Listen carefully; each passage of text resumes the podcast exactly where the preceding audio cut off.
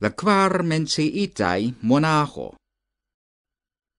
Post multai tagoi de meditado cae chagreno, Sidarto visitis la urbon quara foie.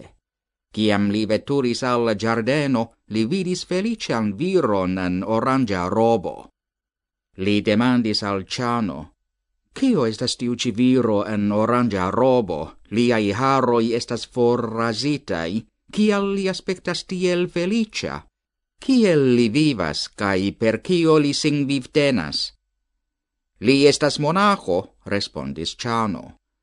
Li lojas en monacheio kaj iras de domo al domo por peti mangiajon, kai de loko al loko por instrui homoin kiel posedi tranquilletson kai konduti bone.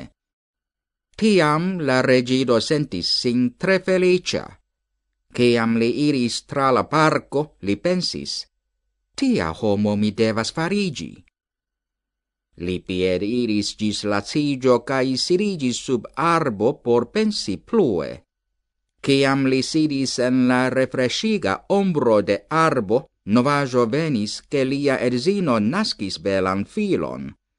Audinte tion li diris, Al mi nascigis malhelpo cae obstaclo por forlaso de la heimo. Do li nomis ian filon Rahulo, kiu signifas malhelpon. Revenante alla palazzo, li rencontis regidinon nomatan Kisagotami, kiu hazarde rigardis exterren tra la palazza fenestro. La bella aspecto de la regido tiel allogis sin, che si diris laute. Ciel feliciai estas la patrino patro cae erzino de tiel bela iuna regido! Preterpasante la virinon, Sidarto audis tion cae pensis en si. La patrino, patro cae erzino sentas felicion en bela figuro.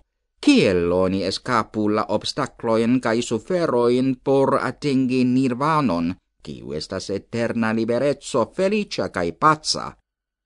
Pro la demando li ec consis cion li devas fari. Mi devas forlasi la familian vivon cae homan mondon por atingi illuminigion.